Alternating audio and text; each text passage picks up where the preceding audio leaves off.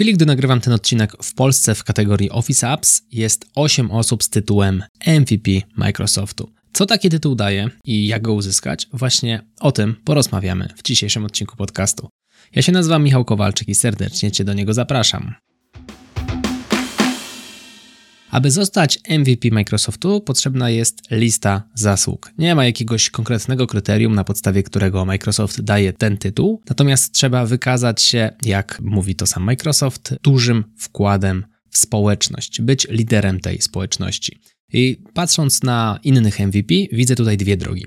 Pierwsza z dróg to bycie aktywnym influencerem, jeśli mogę tak nazwać, takim typowym liderem swojej społeczności, a więc posiadanie dużej liczby na przykład followersów na kontach typu Instagram, Facebook czy TikTok, udzielanie się na wszelkiej maści wywiadach, czy konferencjach dla studentów, ale także dla innych firm. No i druga droga to bycie kimś, kto jest mocno zaangażowany w forum techniczne Microsoftu i regularnie udziela pomocy na tymże forum. Oczywiście można tutaj dowolnie miksować te aktywności. Chodzi po prostu o to, aby uzbierać pewien bagaż, ściśle nieokreślony przez Microsoft, który pozwala uzyskać ten tytuł. I teraz o ten tytuł nie można starać się tak po prostu. Trzeba uzyskać nominację.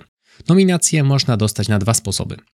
Kiedyś, około 5 lat temu, każdy mógł się do tego tytułu zgłosić. Dzisiaj potrzebna jest nominacja albo od pracownika Microsoftu, albo od innego MVP.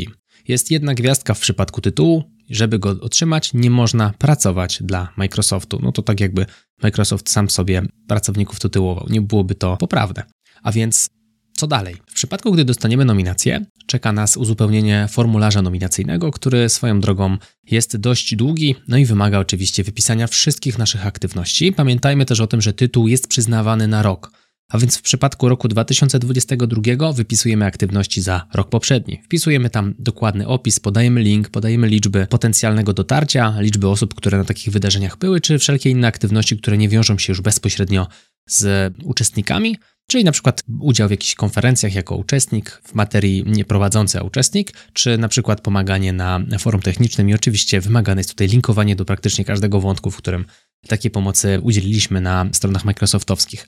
W moim przypadku było to po prostu wypisanie większych publikacji, jeżeli chodzi o wideo, wypisanie webinarów, wypisanie wszystkich moich wystąpień, które miały miejsce w poprzednim roku, było ich tam bodaj 11. Dodatkowo liczby związane z odwiedzinami miesięcznymi mojego bloga, z YouTube'em, z podcastem, a więc cała ta procedura wpisania wszystkich rzeczy zajęła mi około 3 godzin. Rzecz oczywiście dzieje się w języku angielskim. No i na końcu wysyłamy tę naszą nominację, ten formularz nominacyjny do Microsoftu. Dzieje się to oczywiście wszystko na ich stronie. Czas na rozpatrzenie tego formularza to jest 90 dni. Sprawdzają to osoby z Redmond, czyli z miejscowości w Stanach, gdzie jest główna siedziba Microsoftu. Bynajmniej tak było napisane w korespondencji, czy tak jest naprawdę, jest mi tutaj trudno określić. Więc tyle od strony technicznej. Jak to wyglądało w moim przypadku, jak to się stało, że nominację uzyskałem? Ja to się śmieję, że w życiu jak się siedzi z założonymi rękami, to niestety mało fajnych rzeczy nas spotyka i niestety w przypadku tytułu MVP było podobnie. Trafiłem na jedną z, jedną z, z twórczyń, myślę, że to dobre słowo, która działa sobie z Excelem od półtorej roku. W skali globalnej miała powiedzmy no tak 3-4 razy większe liczby niż ja tutaj działając w kraju, więc pomyślałem, że skoro ludzi mówiących po angielsku jest około 40 razy więcej, a ona ma tylko 3 razy większe liczby, to może znaczyć, że to, co robię, już zasługuje na ten tytuł i być może gdybym taką nominację uzyskał, to udałoby mi się ten tytuł otrzymać. Stwierdziłem, że biorę sprawy w swoje ręce, no i korzystając z networku, ale także z wyszukiwarki MVP na stronie Microsoftu, znalazłem dwa kontakty. Dostałem polecenie od znajomego do skierowania się do konkretnego pracownika Microsoftu, który mógłby mi dać taką nominację, bym z nim porozmawiał, ale także w wyszukiwarce MVP znalazłem Polkę Edytę, którą swoją drogą serdecznie pozdrawiam, do której napisałem, jako że była innym MVP, krótką wiadomość, że robię takie rzeczy w Polsce, takie mam liczby, czy moglibyśmy chwilę porozmawiać, czy ona widzi tutaj potencjał na nominację mnie na MVP. Poszło to stroną tą drugą, czyli poszło to stroną nominacji. Edyta faktycznie tutaj skontaktowała mnie z opiekunem MVP na Europę Środkową, z Martinem, no i potem już poleciało. Okazało się, że Martin jak najbardziej wyraził zgodę. Stwierdził, że jeżeli Edyta tego nie zrobi, to on jak najbardziej chętnie i gdzie ja się w ogóle uchowałem z takimi liczbami jeszcze bez tytułu, co jest w ogóle bardzo miłe. Pracownik Microsoftu po jakimś czasie również to potwierdził, że wygląda na to, że jak najbardziej te liczby to jest coś, co no, wygląda całkiem ok w materii nominacji. No i taką nominację otrzymałem. Były pewne perypetie, tam trochę, trochę Edyta na wakacjach było i tak dalej, więc trzeba było się przy, przypominać, jak to w życiu zazwyczaj nie za pierwszym razem się udaje, ale jak się jest odpowiednio długo konsekwentnym, to to zadziała. Tutaj w konsekwencji pomógł mi mój przyjaciel Adam, który mówił, Michał, no weź tam jeszcze ją pingnij raz. I to było to decydujące pingnięcie. A więc po uzyskaniu nominacji wysłałem formularz, uzupełniłem go i 39 dni zajęło uzyskanie takiego approve'a od Microsoftu i oficjalne przyznanie tytułu. Notabene stało się to 1 kwietnia, więc taki ciekawy dzień. Taki żarcik Microsoft mi sprawił. Dostałem wtedy właśnie tytuł MVP od 1 kwietnia 2022 roku i jestem w tym zacnym gronie 8 osób w kategorii Office App w kraju, którzy ten tytuł mają, z czego z tych 8 takie trzy zajmują się głównie Excelem, w tym ja, więc można powiedzieć, że nawet jedną z trzech, która zajmuje się głównie Excelem. Historię już znamy, wiemy jak, co trzeba zrobić, wiemy jak to było w moim przypadku. Gdyby ktoś z Was uważał, że zasługuje na taki tytuł, ja chętnie pomogę, wystarczy że do mnie napisać.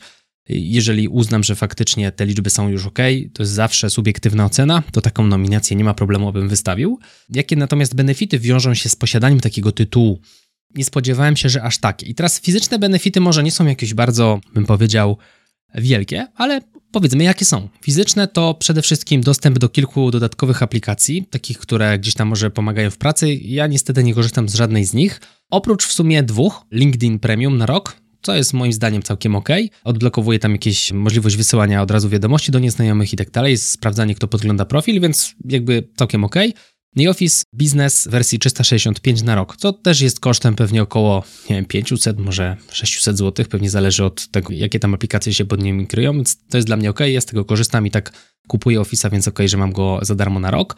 Pomniejsze aplikacje, które pominiemy, statuetka, a także PIN i tablica, a także naklejki. Poza tym dysponuję teraz możliwością używania symbolu MVP, zachowując oczywiście jego kolory i kształt. Mogę sobie takie MVP umieszczać na przykład na stronie, w podpisach, więc jest to takie coś, czym mogę się dalej afiszować i to świetnie sprawdza się z punktu widzenia tych niefizycznych benefitów, których w mojej ocenie jest znacznie więcej. Niefizyczne to takie jak na przykład rozmowy z Microsoftem. Regularnie mamy MVP call, na których możemy rozmawiać bezpośrednio z ludźmi pracującymi w Microsoftie, którzy pytają nas o opinie w materii nowych pomysłów i wdrożeń, które w Excelu będą się działy. Pokazują nam też rzeczy, które w Excelu pojawią się w niedługim czasie. Oczywiście jest to objęte klauzulą NDA, czytaj, nie można mówić, jakie to są opcje, zanim one oficjalnie wyjdą. I to jak najbardziej jest ok. Wiemy je po prostu z jakimś pewnym wyprzedzeniem i feedbackujemy je, czyli ewentualne mm, tutaj pomysły z naszej strony na zmiany również Microsoft od nas uzyskuje. Widzimy tutaj taką podwójną korzyść. Z jednej strony dla nas jest to uznanie, że wiemy o czymś wcześniej, więc możemy ewentualne materiały już zacząć powoli sobie szykować na dzień premiery kolejnej zmiany w, w Excelu.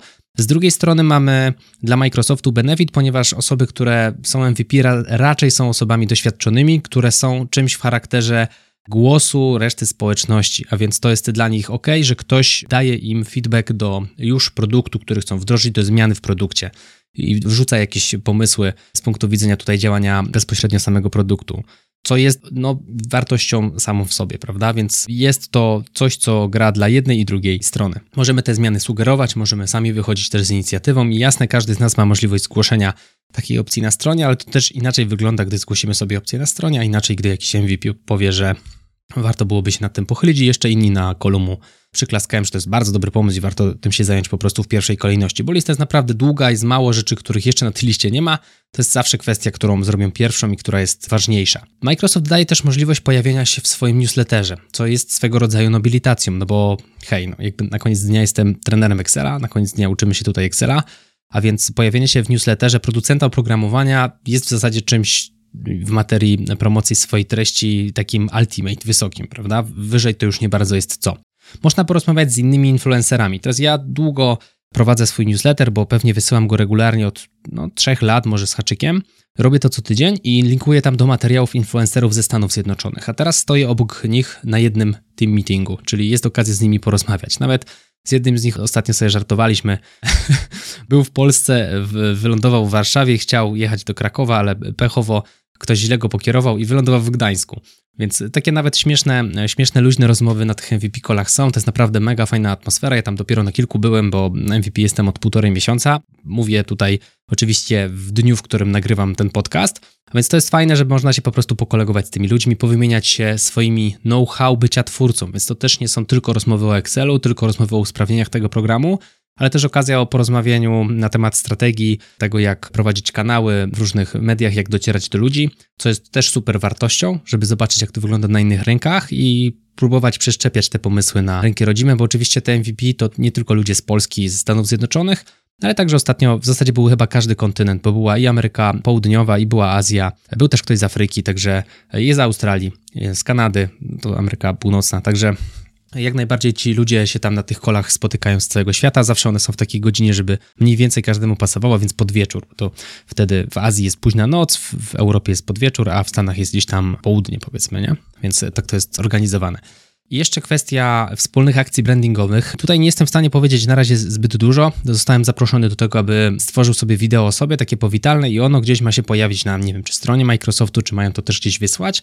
Tutaj nie wiem, co się dalej z tym wydarzy, ale to jest ok. Uważam, że właśnie takie zdobycie tytułu MVP dla twórcy jest wielką nobilitacją, ponieważ jest to dostęp do takiego już naprawdę topowego know-how, rozmawianie bezpośrednio z ludźmi, którzy tworzą to oprogramowanie, a to też bezpośrednio przekłada się na kursantów, tak? Jeżeli trener ma dostęp do lepszego know-how, jeżeli głos trenera jest słyszany u producenta oprogramowania, no to siłą rzeczy kursanci na tym również zyskują. Jeżeli kursanci uczą się u kogoś, kto jest błogosławiony, kolokwialnie mówiąc, przez Microsoft, ma tytuł MVP, no to to już będzie wyglądało inaczej. Także uważam, że samo MVP jest znacznie lepiej postrzegane niż mi się wydawało, zanim w ogóle tym MVP byłem. Ostatnio miałem okazję udzielać wystąpienia na jednej z polskich uczelni.